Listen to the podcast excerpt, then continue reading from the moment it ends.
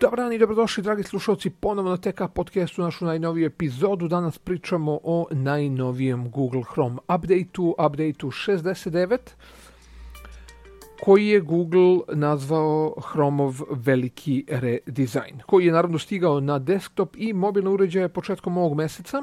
Ja ga lično koristim već nekih 5 ili 6 dana.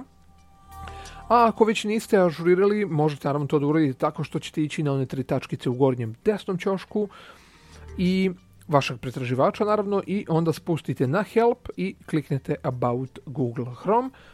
Pokrenut će se naravno ažuriranje, a pre toga će izbaciti verziju. Ako je verzija 68, trebalo bi automatski da pokrene. Nekad se desi da u pozadini ne izvrši ažuriranje e, sam po sebi, nego morate to da kliknete.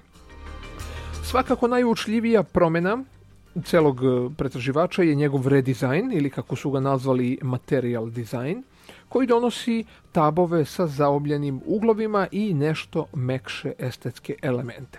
I zaista daje jedan novi izgled i osjećaj prilikom korišćenja pretraživača. Redizajn takođe donosi i neke potpuno nove funkcije kao što su informacije o trenutnom e, rezultatu pretraživanja u adres baru, Posebno se naravno to odnosi na vremensku prognozu, na neke sportske rezultate i neke druge e, stvari koje su tako zgodne, na primjer matematičke rezultate, ukucate 2 plus 2, on će vam odmah 4 bez da pritisnete Enter, što može da bude korisno. E, naravno, za korisnike Chrome e, operativnog sistema ili ti Chrome OS-a, verzija 69 također donosi podršku za Linux, koja do sad nije bila, odnosno bila je u beta testiranju, i na taj način možete pokrenuti Linux aplikacije i alate unutar prozora terminala, što je prilično e, zgodno, a to je posebno e, ubačeno sa ciljem da se pomogne kreatorima aplikacija za Android koji koriste Chromebook računare. Pored kvalitetnog redizajna i naravno te Linux podrške, ova verzija ima takozvani i Nightlight, što je naravno Googleova verzija e, Fluxa i Appleova verzija Night Shifta. Kao i ostali softverski alati, e, Nightlight povećava toplotu boje pretraživača i omogućava vam da smanjite naprezanje očiju prilikom rada, pogotovo uveče. S obzirom da on prilagođava vaš ekran e, posebnom rasporedu, odnosno izlasku i zalasku sunca.